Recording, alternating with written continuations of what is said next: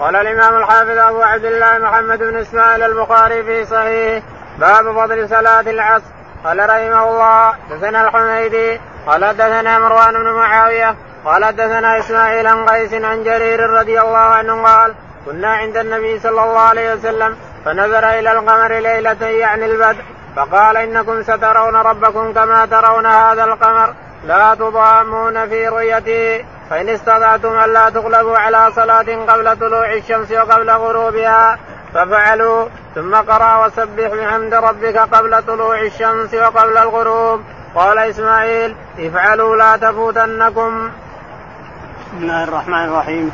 الحمد لله رب العالمين وصلى الله على نبينا محمد وعلى آله وصحبه أجمعين. يقول الإمام الحافظ محمد بن إسماعيل البخاري رحمه الله في صحيحه في باب الصلوات أوقات الصلوات وفضل كل صلاة في وقتها فضل الوقت الذي يصلي فيه الإنسان الخمس. كل وقت له فضل يمتاز به.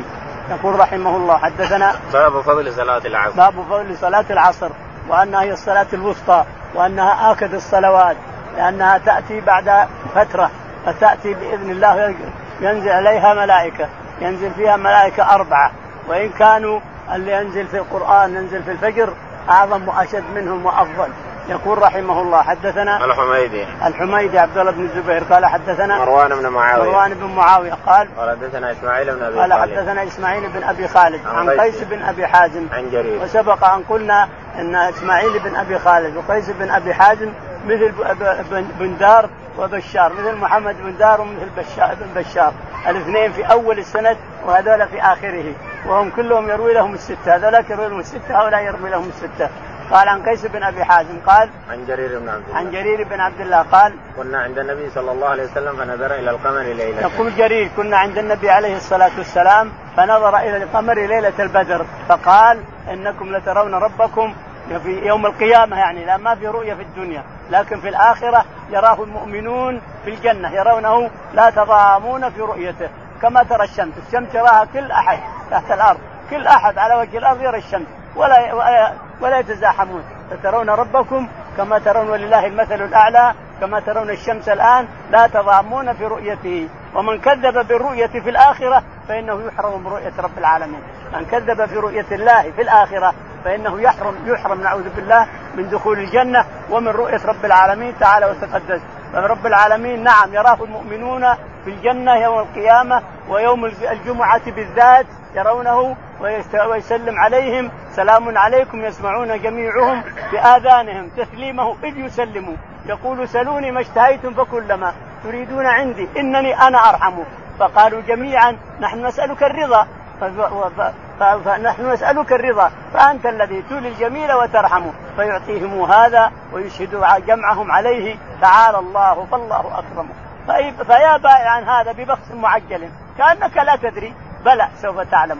فإن كنت لا تدري فتلك مصيبة. وإن كنت تدري فالمصيبة أعظم. نعم إذا كنت تعلم وتفهم أن هناك رب وأنه تجلى بعباده وأنهم يروا ما حدث كذا فالمصيبة أعظم. فالشاهد أن يوم الجمعة هو الذي يتجلى فيه رب العالمين ويسلم على عباده في واد أفيح يسمى وادي المزيد. نعم. قال فإن استطعتم ألا تغلبوا على صلاة قبل طلوع الشمس وقبل غروبها. هذا هو الشاهد. فإن استطعتم ألا تغلبوا على صلاة قبل غروب الشمس وهي العصر وقبل طلوعها وهو الفجر. فافعل. صلاة طرفي ثم قرأ واذكر الله طرفي النهار وزولفا من الليل إن الحسنات يذهبن السيئات ذلك ذكر للذاكرين فصلاة العصر طرف وصلاة الفجر طرف نعم. ثم قرأ وسبح عند ربك قبل طلوع الشمس وصل عند ربك قبل طلوع الشمس وقبل غروبها نعم. قال إسماعيل افعلوا لا تفوتنكم. قال إسماعيل يحث الناس لا تفوتنكم صلاة العصر ولا صلاة الفجر نعم. قال رحمه الله حدثنا عبد الله بن يوسف قال حدثنا مالك في الزناد عن الأعرج عن أبي هريرة رضي الله عنه أن رسول الله صلى الله عليه وسلم قال يتعاقبون فيكم ملائكة بالليل وملائكة بالنهار ويجتمعون في صلاة الفجر وصلاة العصر ثم يعرج الذين باتوا فيكم فيسألهم وهو أعلم بهم كيف تركتم عبادي فيقولون تركناهم وهم يصلون وآتيناهم وهم يصلون. يقول البخاري رحمه الله حدثنا عبد الله بن يوسف. عبد الله بن يوسف. قال حدثنا مالك بن مالك بن أنس الإمام. قال حدثنا أبو الزناد. أبو الزناد عبد الله. قال حدثنا الأعرج عبد الرحمن عن أبي هريرة رضي الله تعالى عنه أن النبي عليه الصلاة والسلام قال نعم. يتعاقبون فيكم ملائكة بالليل يتعاقبون. لاحظ الكلمة هذه على لغة أكلوني البراغيث. أكلوني البراغيث. هذه اللغة أتت بها الآية الكريمة هنا. يتعاقبون فيكم ملائكة في الليل. المفروض انها يتعاقبوا فيكم. اما اذا قال لأن الفعل الواو هي الفاعل يتعاقبون فيكم. ملائكة يقول هذا فعل مضارع. يتعاقبون فعل مضارع مرفوع وعلامة رفعه بالنون. بالنون ثبوت النون والواو فالشاهد أن يتعاقبون ملائكة. الواو الواو هذه هي الفاعل ولكن ملائكة بدل كان. لكن الحين ملائكة بالليل. جاء نظيرها في القرآن. اقترب للناس حسابهم وهم في غفلة معرضون. ما يأتي من ذكر من ربهم محدث إلا استمعوه وهم يلعبون. لاهية قلوبهم وأسروا النجوى الذين ظلموا. لاحظ. أسروا النجوى. أسروا المفروض أن أسر النجوى الذين ظلموا. فهذه لغة أكلون البراغيث. تأتي في السنة وتأتي في القرآن. أكلوني البراغيث مع أن المفروض أكلني البراغيث فتكون الفاعل البراغيث. لكن هنا البراغيث بدل. هنا تعاقبون ملائكة ملائكة بدل. والفاعل الواو والنون فاعل والنون فاعل. يقول يقول يتعاقبون فيكم ملائكة بالليل وملائكة بالنهار. فيجتمع ملائكة الليل ويسعدون إلى ربهم ملائكة الليل وينزل غيرهم. فيسألهم ماذا تركتم عبادي؟ نعم. قال يجتمعون في صلاة الفجر وصلاة العصر. يجتمعون في صلاة الفجر وصلاة العصر. صلاة العصر ينزل الذي يبيتون في الليل ويطلع الذي جلسوا معه بالنهار. وصلاة الفجر يطلع اللي باتوا معه في الليل وينزل الذين سيقابلون يجتمعون به بالنهار يحتمسونه بالنهار. اثنين عن يمينك وعن شمالك. اثنين واحد عن يمينك وعن شمالك. فيجتمعون في الفجر ويجتمعون في العصر. اثنين يطلعون واثنين ينزلون. واثنين يطلعون واثنين ينزلون في الفجر والعصر. نعم. ثم يعرج الذين باتوا فيكم فيسألهم وهو أعلم. ثم يعرج الذين باتوا فيكم لأنه أفضل اللي اجتمع في الليل قراءة القرآن وقرآن الفجر. إن قرآن الفجر كان مشهودا ويجتمع فيه الأربعة جميعهم يصلون مع الإمام ويسبحون للمسلمين. ثم بعد ذلك يطلع أهل اللي باتوا بالليل وينزل يبقون اللي يحرسون الإنسان بالنهار يقابلونه بالنهار. يقول ثم يسأل يسألهم رب العالمين وهو أعلم. أهو أعلم بكل شيء وهو المطلع على كل شيء. يسألهم كيف تركتم عبادي؟ كيف تركتم عبادي؟ فيقول تركناهم وهم يصلون واتيناهم وهم يصلون فقال. يقولون تركناهم يصلون وآتيناهم وهم يصلون. تركناهم وهم يصلون وآتيناهم وهم يصلون. فيقول أشهدكم أني قد غفرت لهم. أشهدكم يا الملائكة أني قد غفرت لهم. نعم. باب من أدرك ركعة من العصر قبل الغروب. قال رحمه الله دثنا أبو نعيم قال دثنا شيبان ان يحيى عن أبي سلمة عن أبي هريرة رضي الله عنه قال قال رسول الله صلى الله عليه وسلم إذا أدرك أحدكم سجدة من صلاة العصر قبل أن تغرب الشمس فليتم صلاته وإذا أدرك سجدة من صلاة الصبح قبل أن تطلع الشمس فليتم صلاته. يقول الإمام البخاري رحمه الله باب إذا أدرك من الفجر قبل صلاة الفجر قبل طلوع انتهاء الفجر قبل طلوع الشمس سجدة أو قبل غروب الشمس المغرب سجده فقد أدرك المغرب وقد أدرك الفجر كما سيأتي. يقول رحمه الله حدثنا أبو نعيم. أبو نعيم. قال حدثنا شيبان. شيبان بن عبد الرحمن. قال حدثنا يحيى بن أبي كثير. يحيى بن أبي كثير الطائي قال عن أبي سلمة عن أبي سلمة بن عبد الرحمن بن عوف. عن أبي هريرة رضي الله تعالى عنه أن النبي عليه الصلاة والسلام قال من أدرك سجدة من صلاة الفجر قبل أن تطلع الفجر فهو فقد أدرك الفجر أدرك أجر الفجر. يعني سجدة سواء أدركت ركعة كاملة أو ادرك سجدة بقى فقط وتتمها تتم الصلاة. سجدة قبل طلوع الشمس تتم صلاتك الإنسان وقد أدركت الفجر في وقته يعني. ما هو أدى. لا يقال إنه قضى يقال أدى لانها قبل تطلع الشمس كله وقت للفجر. فإذا أدركت سجدة قبل طلوع الشمس فقد أدركت الصلاة أدركت وقت الفجر. الوقت يعني ما طلع. فتسمى انك اديت الصلاة في وقتها وأنها أدى لا قضى. وكذلك قبل غروب الشمس. المغرب قبل غروب الشمس أدركت سجدة واحدة فقد أدركت المغرب. ولك فضل المغرب وتتم صلاتك الإنسان وقد أديتها أداء في وقتها ولو سجدة ولو ما أدركت إلا سجدة. يعني سجدة واحدة بس قبل غروب الشمس فقد أدركت المغرب ولك أجر المغرب. نعم. العصر. أدركت العصر؟ نعم. ما هو المغرب؟ العصر نعم. إذا أدركت العصر فقد أدركت العصر صلاة العصر نعم. قال رحمه الله دثنا عبد العزيز بن عبد الله قال حدثني إبراهيم عن ابن شهاب بن سالم بن عبد الله النبي أنه أخبره أنه سمع رسول الله صلى الله عليه وسلم يقول إنما بقاؤكم فيما سلف قبلكم من الأمم كما بين صلاة العصر إلى غروب الشمس. أوتي أهل التوراة التوراة فعملوا حتى انتصف النهار وعجزوا وعطوا قيراطا قيراطا. ثم أوتي أهل الإنجيل الإنجيل فعملوا إلى صلاة العصر ثم عجزوا فعطوا قيراطا قيراطا. ثم أوتينا القرآن فعملنا إلى غروب الشمس وأعطينا قراطين قيراطين. فقال أهل الكتابين أي ربنا أعطيت هؤلاء قيراطين قيراطين وأعطيتنا قيراطا قيراطا ونحن كنا أكثر عملا. قال الله عز وجل هل ظلمتكم من أجركم من شيء؟ قالوا لا. قال فهو فضلي أوتيه من أشاء. الله يقول البخاري رحمه الله باب تابع للباب. تابع. قال حدثنا عبد العزيز بن عبد الله. عبد العزيز بن عبد الله. قال حدثنا إبراهيم بن سعد. إبراهيم بن سعد. قال حدثنا ابن شهاب. ابن شهاب الزهري. قال عن سالم بن عبد الله. عن سالم بن عبد الله عن أبي عبد الله بن عمر رضي الله تعالى عنه أن النبي عليه الصلاة والسلام قال عملت اليهود من طلوع الشمس إلى إلى الظهر. عملت أعمال عملت يعني أنها اشتغلت في دينها وفي كتابها ولا غيرت. أما اللي غيروا ما يعتبرون شيء. اللي غيروا كتابهم وغيروا دينهم ما يعتبرون شيء. لكن اللي ثبتوا على على التوراة وعلى اتباع موسى عليه الصلاة والسلام هؤلاء الذين يعطون أجرهم. فعملوا من الصبح إلى الظهر. فأعطوا أجر أجر. كل واحد أعطاه ربه أجر. ثم عمل النصارى الذين عملوا بالإنجيل الصحيح الذي نزل من الله تعالى وتقدس. فاعطوا قيراط قيراط. كل واحد يعطي أجره. كل واحد يعطي قيراط. هذا قيراط وهذا كل واحد اخذ قيراط. من من الظهر إلى العصر. جاءت أمة محمد عليه الصلاة والسلام. عليه الصلاة والسلام. ففضلها عظيم عند الله تعالى وتقدس. منة وكرم وجود وعطف وحنان على هذه الأمة. أمة محمد صفوة الخلق عليه الصلاة والسلام لمحبته لنبيه. فالأمة تبع لنبيها. الأمة تبع نبيها بالفضل والكرامة والجود. فأعطانا قيراطين قيراطين عليه تعالى وتقدس. نشكره.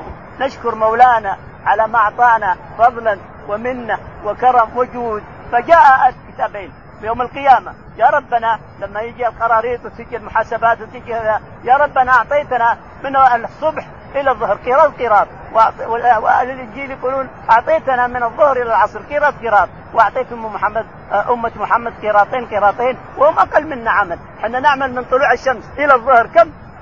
عشر ساعات. ونعم وهذول أجيب نعمل من الظهر إلى العصر قريب أربع ساعات. وهذول ساعتين. من العصر إلى المغرب قريب ساعتين أو ساعتين ونص تعطيهم على قيراطين قيراطين. وحنا تعطينا على قيراط واحد يا ربنا.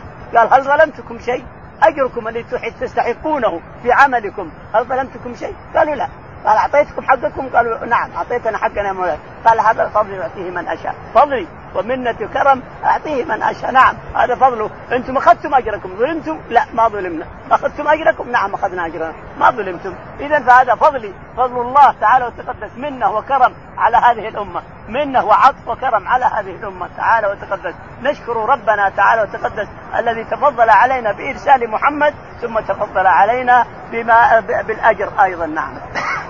قال رحمه الله دثنا أبو كريب. قال دثنا أبو أسامة عن بريد عن أبي بردان أبي موسى رضي الله عنه عن النبي صلى الله عليه وسلم قال مثل المسلمين واليهود والنصارى كمثل رجل استاجر قوما يعملون له عملا إلى الليل فعملوا إلى نصف النهار فقالوا لا حاجة لنا إلى أجرك. فاستأجر آخرين فقال أكملوا بقية يومكم ولكم الذي شرطت فعملوا حتى إذا كان عند حين صلاة العصر. قالوا لك ما عملنا. فاستأجر قوما فعملوا بقية قوم حتى غابت الشمس. بقية يوم حتى غابت الشمس؟ واستكملوا أجر الفريقين.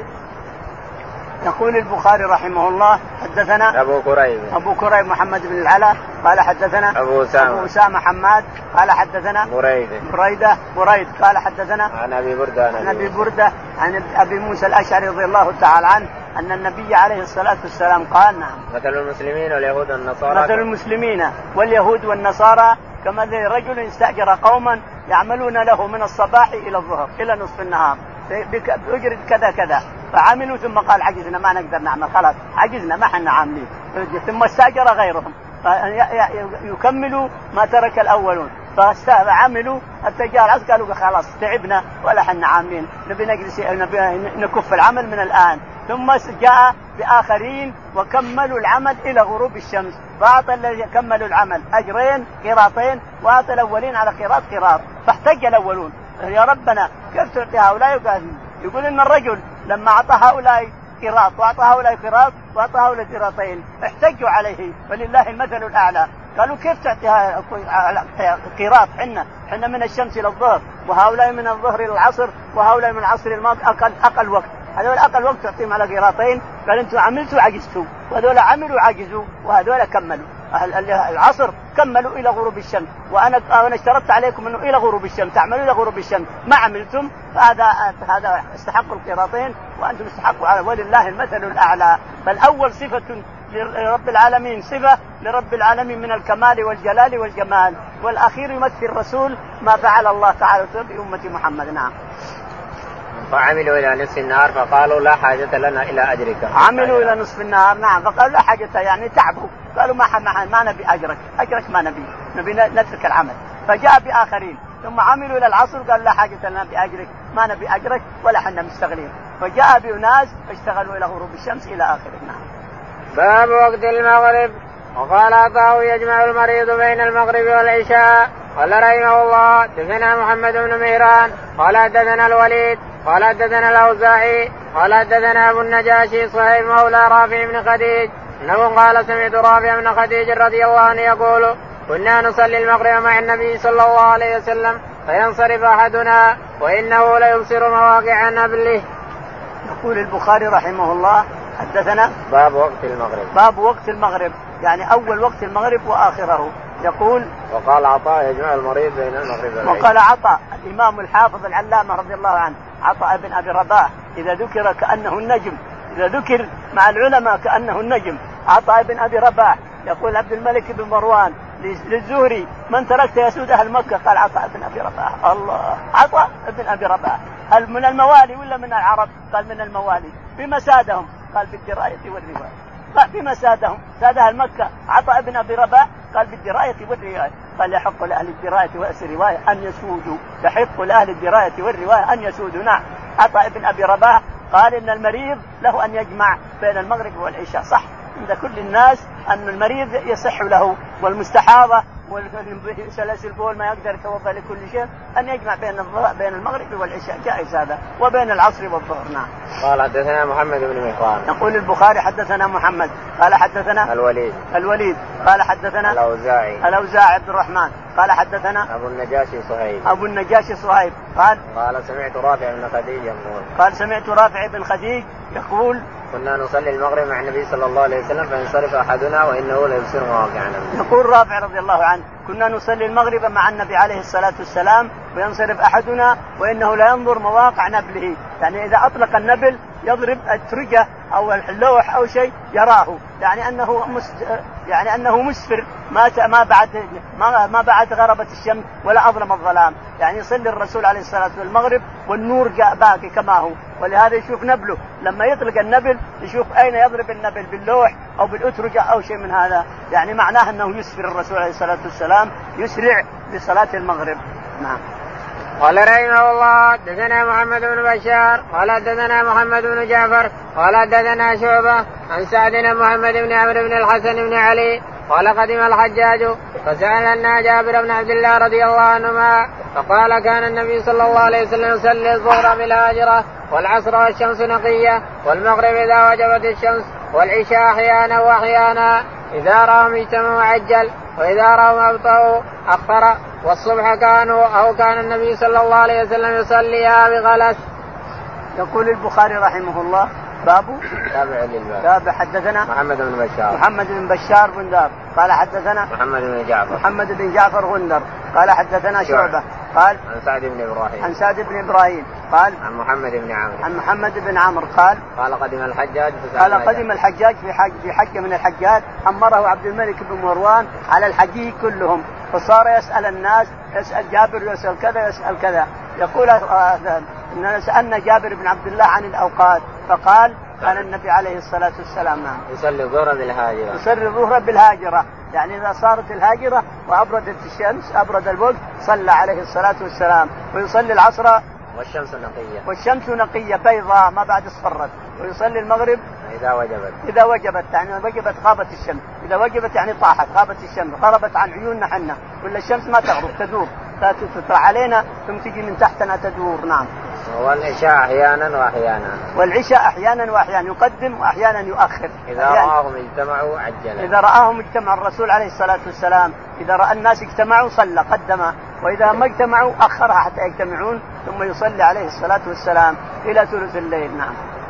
والصبح كان النبي صلى الله عليه وسلم يصليها بغلس. والصبح كان عليه الصلاة والسلام يصليها بغلس حتى إن النساء ينصرفن ما يعرفن من الغلس. نعم. قال رحمه الله دثنا المكي بن إبراهيم قال دثنا يزيد بن أبي عبيد عن سلمة رضي الله عنه قال كنا نصلي مع النبي صلى الله عليه وسلم المغرب إذا توارت بالحجاب.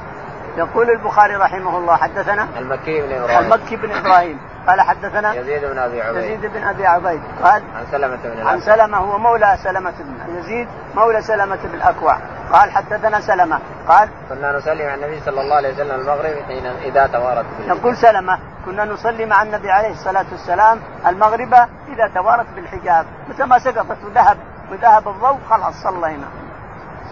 قال رحمه الله دثنا آدم قال دثنا شعبة قال دثنا عمرو بن دينار أنه قال سمعت جابر بن زيد عن ابن عباس رضي الله عنهما قال صلى النبي صلى الله عليه وسلم سبعا جميعا وثمانيا جميعا. يقول البخاري رحمه الله حدثنا آدم بن أبي آدم بن أبي إياس قال حدثنا شعبة. شعبة قال حدثنا عمرو بن دينار. عمرو بن دينار قال عن جابر بن زيد. عن جابر بن زيد أبو الشعثاء تلميذ ابن عباس.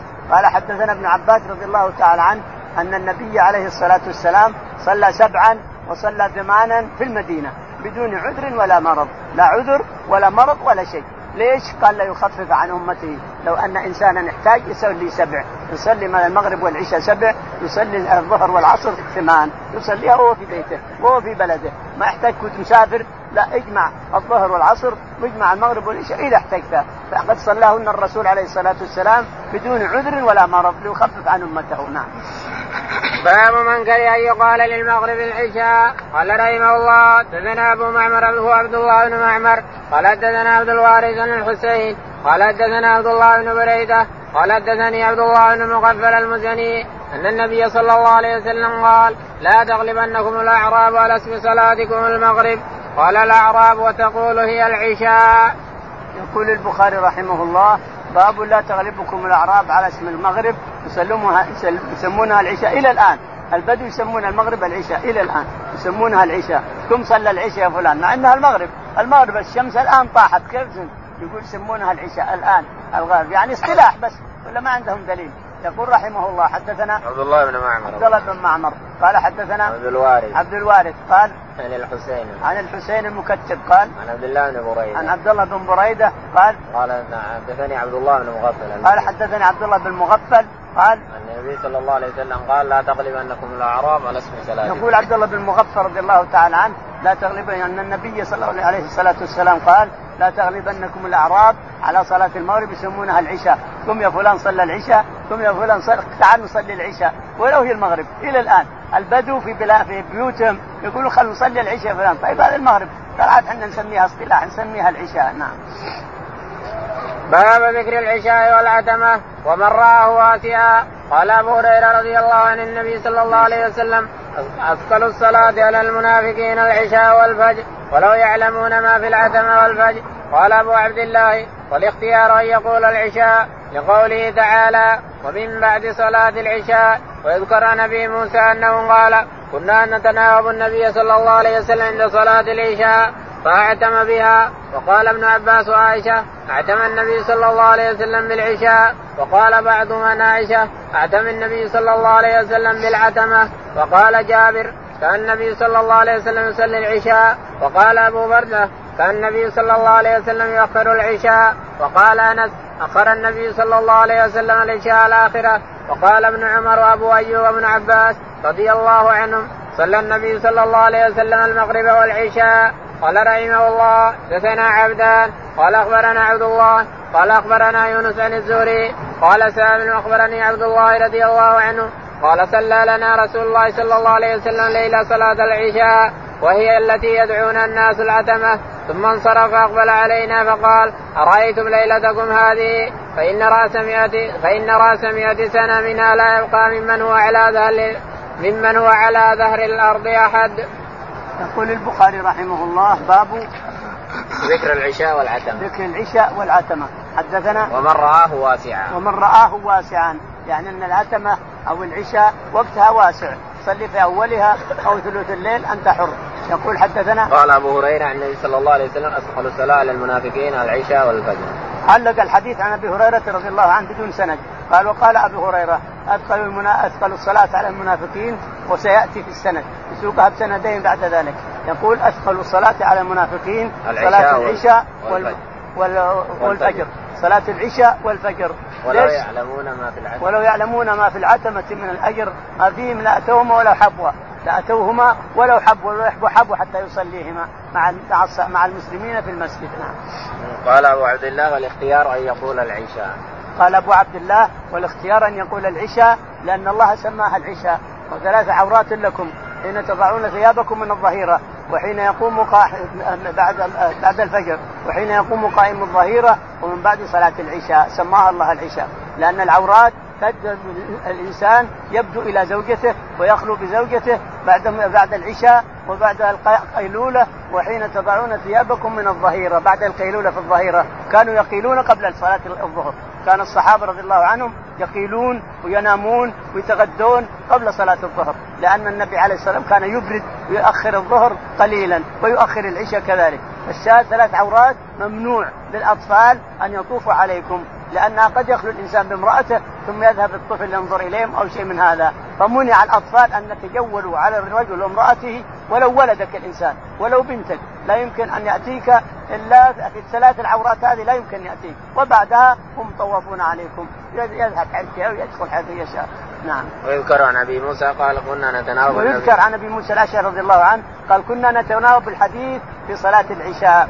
يعني الأشعريون أتوا 150 بسفينة 150 من اليمن من اليمن وصاروا جميعا. يقول أبو موسى كنا نتناوب الصلاة مع الرسول بعد العشاء وننظر ما يحدث. ننظر يجي, يجي عشرة الليلة عشرة وبكرة عشرة وبعده عشرة. كل ليلة يجي عشرة من الأشعريين وينقلون الحديث إلى الباقيين. فالشاهد يقول أبو موسى نتناوب العشاء عند الرسول عليه في صلاة الرسول وننظر ما يحدث بعد ذلك. فليلة من الليلات يقول جئنا وصلينا مع الرسول عليه الصلاة والسلام متأخر جدا مأخر عليه الصلاة جدا جدا. يقول فخرج علينا وقال أتدرون ما, ما بعد هذه الساعة؟ بعد هذا اليوم وهذه الساعة ما يمر مئة سنة وعلى الأرض أحد من موجودين اليوم. يعني أن الإنسان عمره ستين سبعين ما يمر عليك سنة الإنسان ما يمكن. يومك هذا وما يمكن تنتظر إلى مئة سنة لا يمكن لأن أعمار أمتي ما بين الستين إلى السبعين فمن يومنا هذا إلى مثله اليوم هذا ما يمكن يبقى على الأرض أحد ممن هو موجود يومنا هذا. نعم.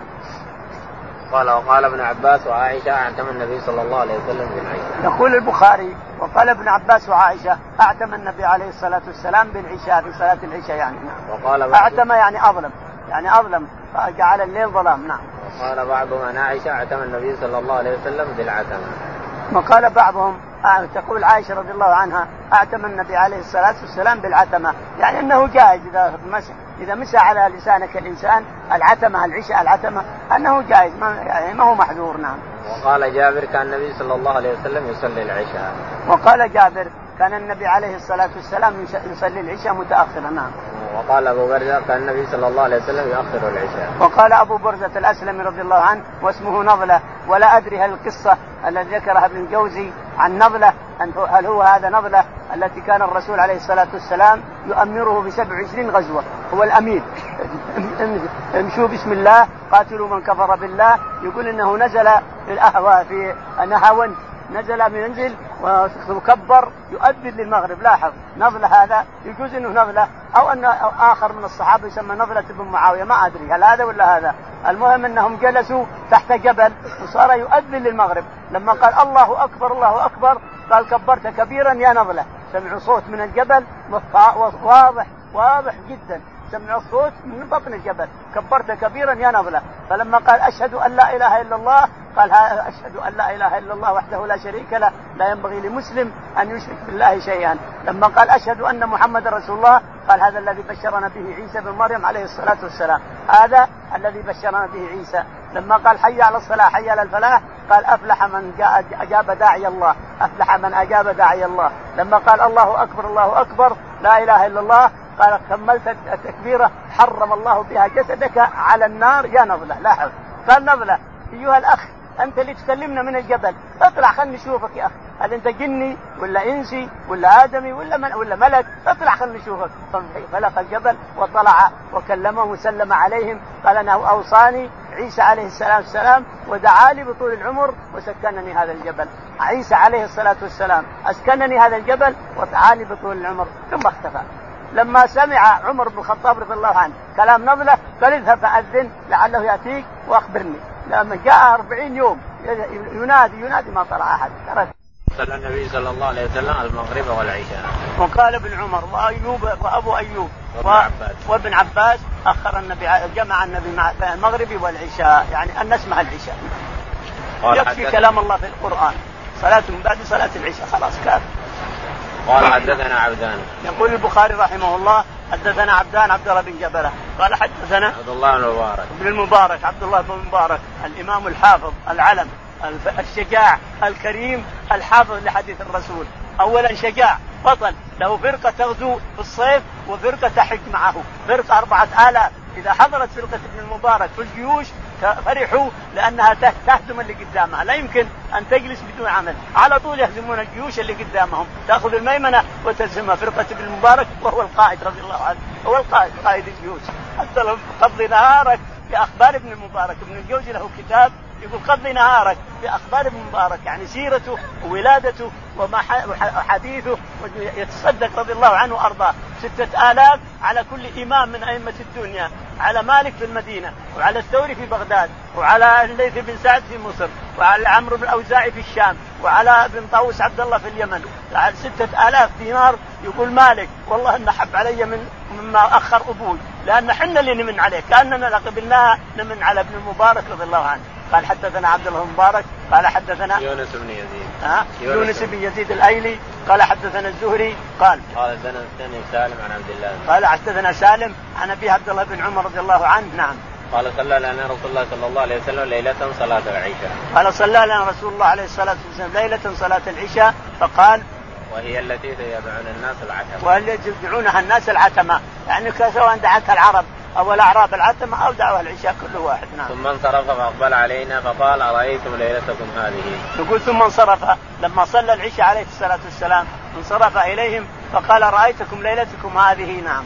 فإن رأس مئة سنة منها لا يبقى ممن هو على ظهر الأرض فإن على رأس مئة سنة لا يبقى من أهل الأرض اليوم أحد كل من هو على وجه الأرض يومنا هذا لا يبقى من على وجه الأرض أحد يعني لا يمكن أن يأتي عليه اليوم هذا سنة كاملة هو موجود حيا كل من على وجه الأرض لا تأتي عليه سنة إلا هو ميت. نعم. 100 سنة مو سنة 100 سنة. 100 سنة. لا تأتي عليه 100 سنة وهو موجود على وجه الأرض 100 سنة. لأنه ما يبلغ 100 سنة يموتون بين الستين إلى السبعين. لا تأتي على الناس بعد ليلتنا هذه 100 سنة وعلى وجه الأرض أحد ممن هو موجود اليوم. نعم. باب وقت العشاء إذا اجتمع الناس أو تأخروا. قال رحمه الله دثنا مسلم بن إبراهيم قال حدثنا شعبة عن سعد بن إبراهيم عن محمد بن عمرو وهو ابن الحسن بن علي قال سألنا جابر بن عبد الله رضي الله عنهما عن صلاة النبي صلى الله عليه وسلم فقال كان يصلي الظهر بالهاجرة والعصر والشمس حية والمغرب إذا وجبت والعشاء إذا كثر الناس عجل وإذا قلوا أخر والصبح بغلس.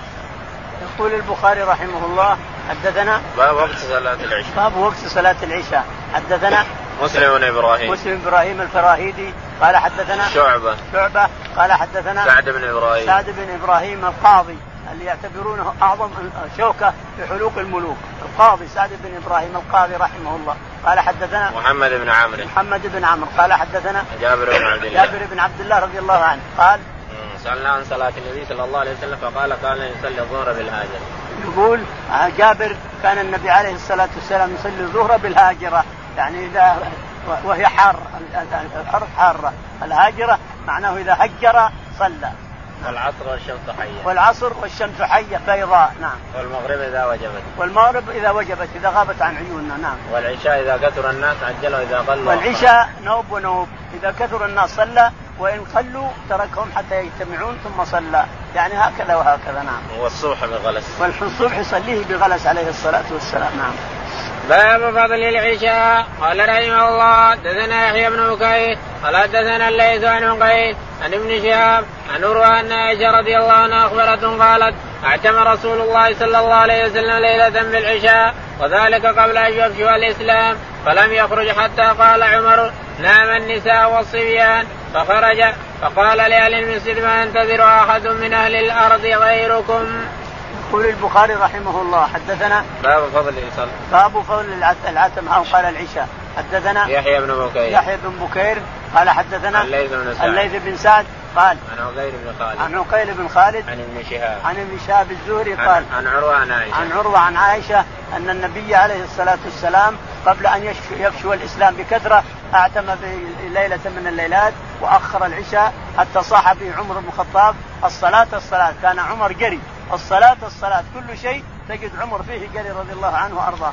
الصلاة الصلاه فخرج عليه الصلاة والسلام وهو يقطر رأسه ماء ثم أما الناس صلى بهم ثم انصرف ثم قال ليس هناك أحد ينتظر الصلاة. هذه الساعة إلا أنتم. يعني أعظم أجر أنتم في هذه الساعة. يقول ففرحنا فرح فرحا عظيما حيث ليس لنا ليس يضاهينا أحد في الأجر في تأخرنا إلى اخر إلى ثلث الليل. نعم. قال رحمه الله دثنا محمد بن العلاء قال أخبرنا أبو أسامة عن بريد عن أبي برده عن أبي موسى رضي الله عنه قال كنت أنا وأصحابي الذين قدموا معي في السفينة نزولا في بقيع بطحان والنبي صلى الله عليه وسلم في المدينة فكان يتناوب النبي صلى الله عليه وسلم عند صلاة العشاء كل ليلة نفر منهم فوافقنا النبي صلى الله عليه السلام أنا وأصحابي وله بعد الشغل في بعض امره فعتم بالصلاة حتى بهار الليل ثم خرج النبي صلى الله عليه وسلم فصلى بهم فلما قضى صلاته قال لمن حضره على رسلكم أبشروا إن من نعمة الله عليكم أنه ليس أحد من الناس يصلي هذه الساعة غيركم أو قال ما صلى هذه الساعة أحد غيركم لا يدري أي أي الكلمتين قال قال أبو موسى فرجعنا ففرحنا بما سمعنا من رسول الله صلى الله عليه وسلم. يقول البخاري رحمه الله حدثنا محمد بن العلاء. محمد بن العلاء أبو كريب. قال حدثنا أبو أسامة. أبو أسامة حماد. قال حدثنا بريد بريد بن البريد بن عبد الله بن بريدة قال عن أبي بردة عن أبي عن أبي بردة عن أبيه أبو موسى الأشعري رضي الله تعالى عنه قال كنا نتناوب الحديث يعني الأشعريون 150 نفر كل عشرة أنفار يأتون ليلة يستمعون ما يقول الرسول عليه الصلاة والسلام ويصلون معه ويتناوبون لأنهم بعيدين في بطحان. وبطحان قريب كيل وين أو أقل من كيل وين. بطحان وادي في المدينة. وهو الذي يقول وهب بن عبد الله السوائي ركزت له العنزة في بطحان. رواية في بطحان. ورواية في الابطح والله أعلم أيهما أصح. والشاهد يقول نتناوب الحديث مع الرسول نصلي معه العشاء في الليل. يقول فجاء, فجاء ناس منا وصلينا معه العشاء وقد أخرها كثيرا كثيرا يقول اخر العشاء كثير. حتى انهار الليل أو انظهر الليل يعني جاء ثلث الليل والرسول ما خرج. يقول ثم خرج عليه الصلاة والسلام ولما صلى قال على رسلكم لا أحد ينصرف. جميع الحاضرين لا أحد ينصرف. قال أبشركم أن هذه الساعة ما في أحد يصلي إلا أنتم فلكم أجر كبير عند الله في صلاتكم هذه. ما في أحد يصلي هذه الساعة إلا أنتم فلكم أجر كبير. يقول فصرفنا وأخبرنا قومنا وفرحنا فرحا عظيما. نعم.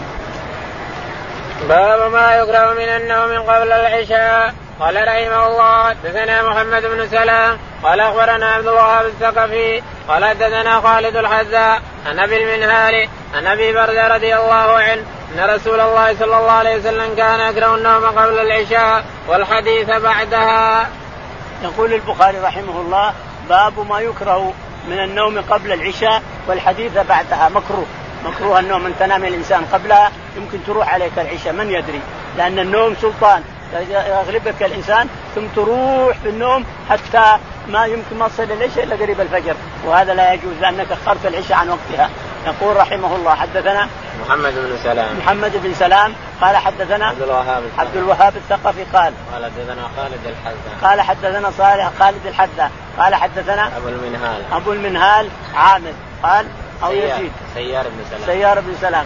قال حدثنا أبو برزة الأسلمي. أبو برزة الأسلمي قال أن رسول الله صلى الله عليه وسلم كان يكره النوم قبل العشاء والحديث. أن النبي عليه الصلاة والسلام كان يكره النوم قبل العشاء والحديث بعدها. كونك تنام قبلها ربما أخرت الصلاة إلى منتصف الليل أو أكثر. فيغلبك النوم والنوم سلطان ما تستطيع أن تقوم فلا تنام قبل العشاء حتى تصليها. ويكره الحديث بعدها.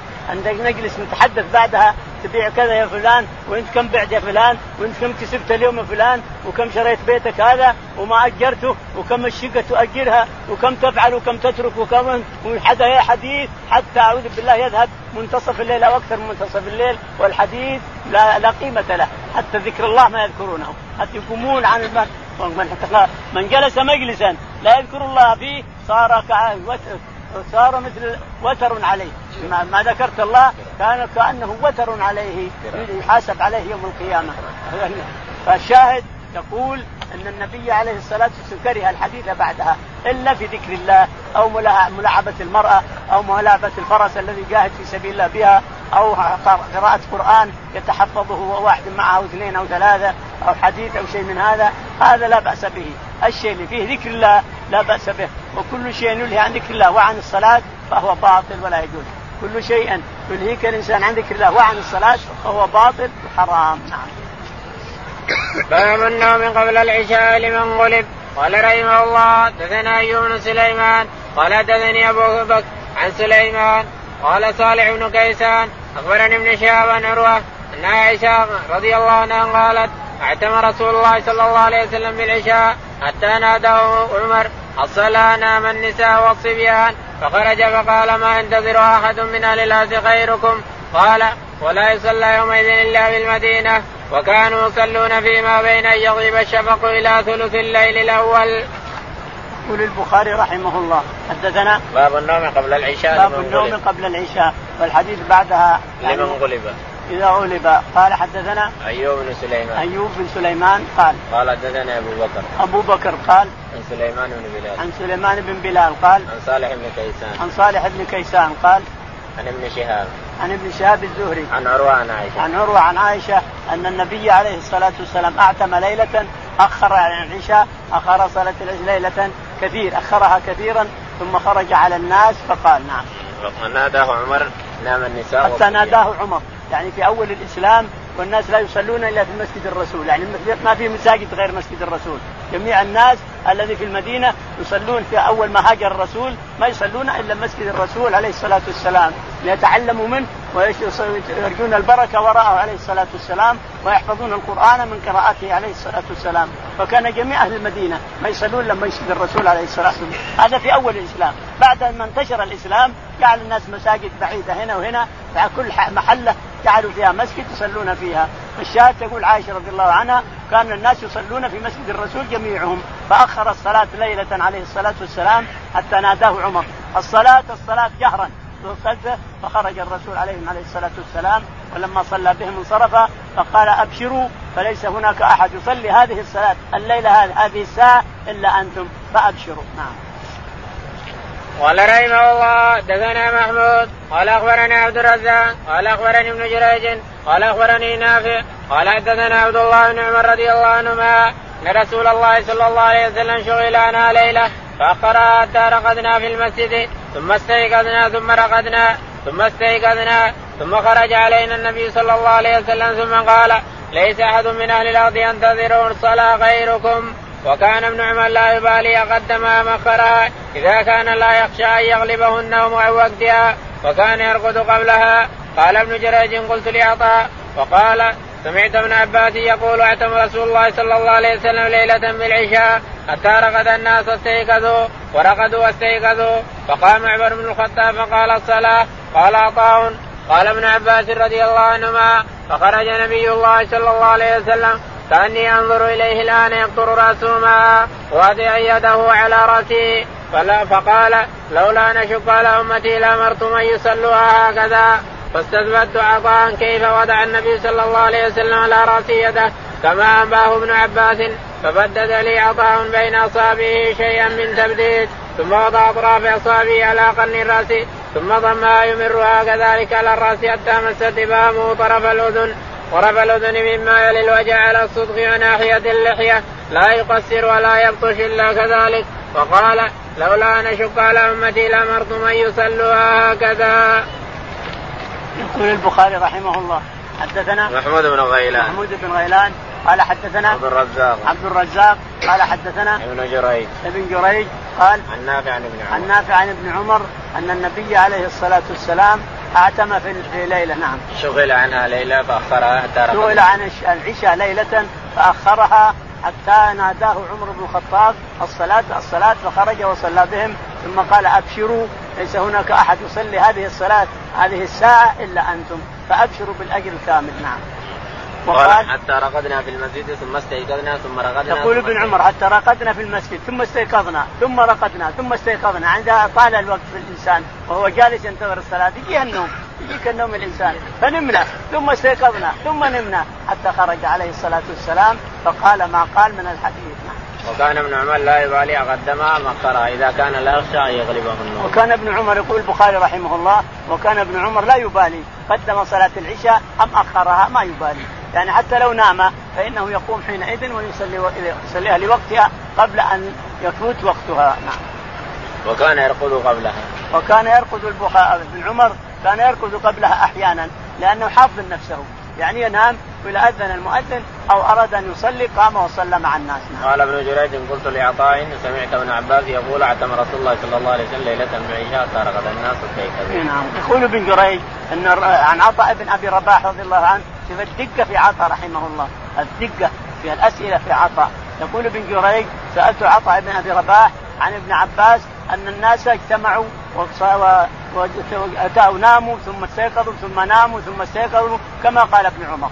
ناموا ثم استيقظوا ثم ناموا لأن الرسول تأخر عليه الصلاة والسلام والناس في المسجد ينتظرون الصلاة لكن يجي الإنسان نوم غصبا عليه فنام كثير منهم. ثم استيقظ. اللي يقرأ قرآن واللي يسبح. لكن ناموا ناموا لأنه تأخر إلى ثلث الليل. إذا حتى وصل إلى ثلث الليل. هذا كلام ابن عباس رضي الله عنه وكلام عطاء عن ابن عباس. يقول رضي الله عنه فخرج يقول ابن عباس فخرج على الناس ورأسه يقطر ويده في رأسه هكذا الابهام على صدر أذنه هكذا. يقول يمسح رأسه بكذا يمسح رأسه كذا ويمسحه كذا ويمسحه والإبهام على صدر ما يلي اللحية هكذا على صدره هذا سأل عطاء بن ابي رباح عن صفة يد الرسول فقال له هكذا كان يمسح باصابعه مشقوته هكذا والإبهام على صدغ اذنه مما يلي اللحية هكذا. وكان يرم من هذا وهكذا يعني ما يرفعها ولا يطمنها الشاهد أن عطى دقيق في سؤاله لابن عباس رضي الله عنه. الشاهد لما خرج وصلى بالناس أخبرهم أن أفضل من يصلي هذه الليلة أنتم لأن ما في أحد يصلي صلاتكم هذه. نعم. قال لا يقصر ولا يبكي ولا يبكي. قال لا يقصر ولا يبكي. لا يقصر ولا يعني ما يقصر عن الماء يمشي يمشي بيده ولا يكفها إلى اخره نعم قال ولولا أن أشق على أمتي لامرتم أن يصلوا يقول الرسول يقول ابن عباس يقول الرسول عليه الصلاة والسلام لما صلى والتفت عليهم قال لولا أن أشق على أمتي لجعلت صلاتهم هذا الوقت هذا التعليل. يعني إلى منتر... إلى ثلث الليل إلى ثلث الليل لجعلت صلاتهم هنا لكن أشق على أمتي. قد إنسان حاجة إنسان يبي ينام إنسان له كذا وكذا لازم يصلون بدري وينام ولا يقضي حاجته ولا يشوف شيء نعم باب وقت العشاء إلى نصف الليل. وقال أبو بكر رضي الله عنه كان النبي صلى الله عليه وسلم يستحب تأخيرها. قال رحمه الله دثنا عبد الرحمن المحاربي. قال دثنا زايد عن حميد الطويل عن أنس رضي الله عنه قال أقر النبي صلى الله عليه وسلم صلاة العشاء إلى نصف الليل ثم صلى ثم قال قد صلى الناس وناموا. أما إنكم في صلاة ما انتظرتموها؟ وزاد ابن أبي مريم قال أخبرنا يحيى بن أيوب قال حدثني حميد انه سمع انسا كاني أنظر إلى وبيس خاتمه ليلة إذن. يقول البخاري رحمه الله باب وقت صلاة العشاء إلى نصف الليل. وقت صلاة العشاء يعني إلى منتصف الليل. أحيانا يؤخرها عليه الصلاة والسلام إلى منتصف الليل. قال حدثنا عبد الرحيم المحاربي. عبد الرحيم المحاربي. قال؟ قال حدثنا زايدة زائدة قال حدثنا حميد الطويل. حميد الطويل. قال؟ عن أنس بن مالك. عن أنس رضي الله تعالى عنه. قال؟ أخر النبي صلى الله عليه وسلم صلاة العشاء إلى نصف الليل. يقول أخر النبي أنس رضي الله عنه يقول إن النبي عليه الصلاة والسلام أخر صلاة العشاء إلى منتصف الليل. يقول من شدة الظلام أرى وبيص خاتمه عليه الصلاة والسلام يلمع لأنه فضة يلمع في اصبعه عليه الصلاة والسلام. وهذا متأخر. لأنه قال أراد أن يكتب للملوك وينصحهم الأمراء والملوك والرؤساء فقالوا لا يقبلونها إلا مختوما. فاتخذ خاتم عليه الصلاه يقول أنس كأني أنظر إلى وبيص الخاتم لمعان الخاتم الفضة لمعان في الظلام. تشوفه الإنسان لو صار فضة يلمع تشوفه في الظلام. يعني من شدة الظلام أشوف لمعان الخاتم في إصبع الرسول عليه الصلاة والسلام. قال وزاد من أبي مريم أخبرنا يحيى بن أيوب قال حدثني حميد انه سمع انسا كأني أنظر إلى وبيص الخاتم يقول وزاد زاد ابن أبي مريم. أبي مريم عن يحيى بن أيوب. عن يحيى بن أيوب عن حميد الطويل. حميد الطويل عن أنس رضي الله عنه. في الليلة من شدة الظلام كان أنظر إلى وبيص خاتم يعني وباء يعني لمعان الفضة تلمع من شدة الظلام. أخر إلى منتصف الليل والله أعلم. اللهم اهدنا فيمن هديت وعافنا فيمن عافيت وتولنا فيمن توليت. اللهم توفنا مسلمين وألحقنا بالصالحين. اللهم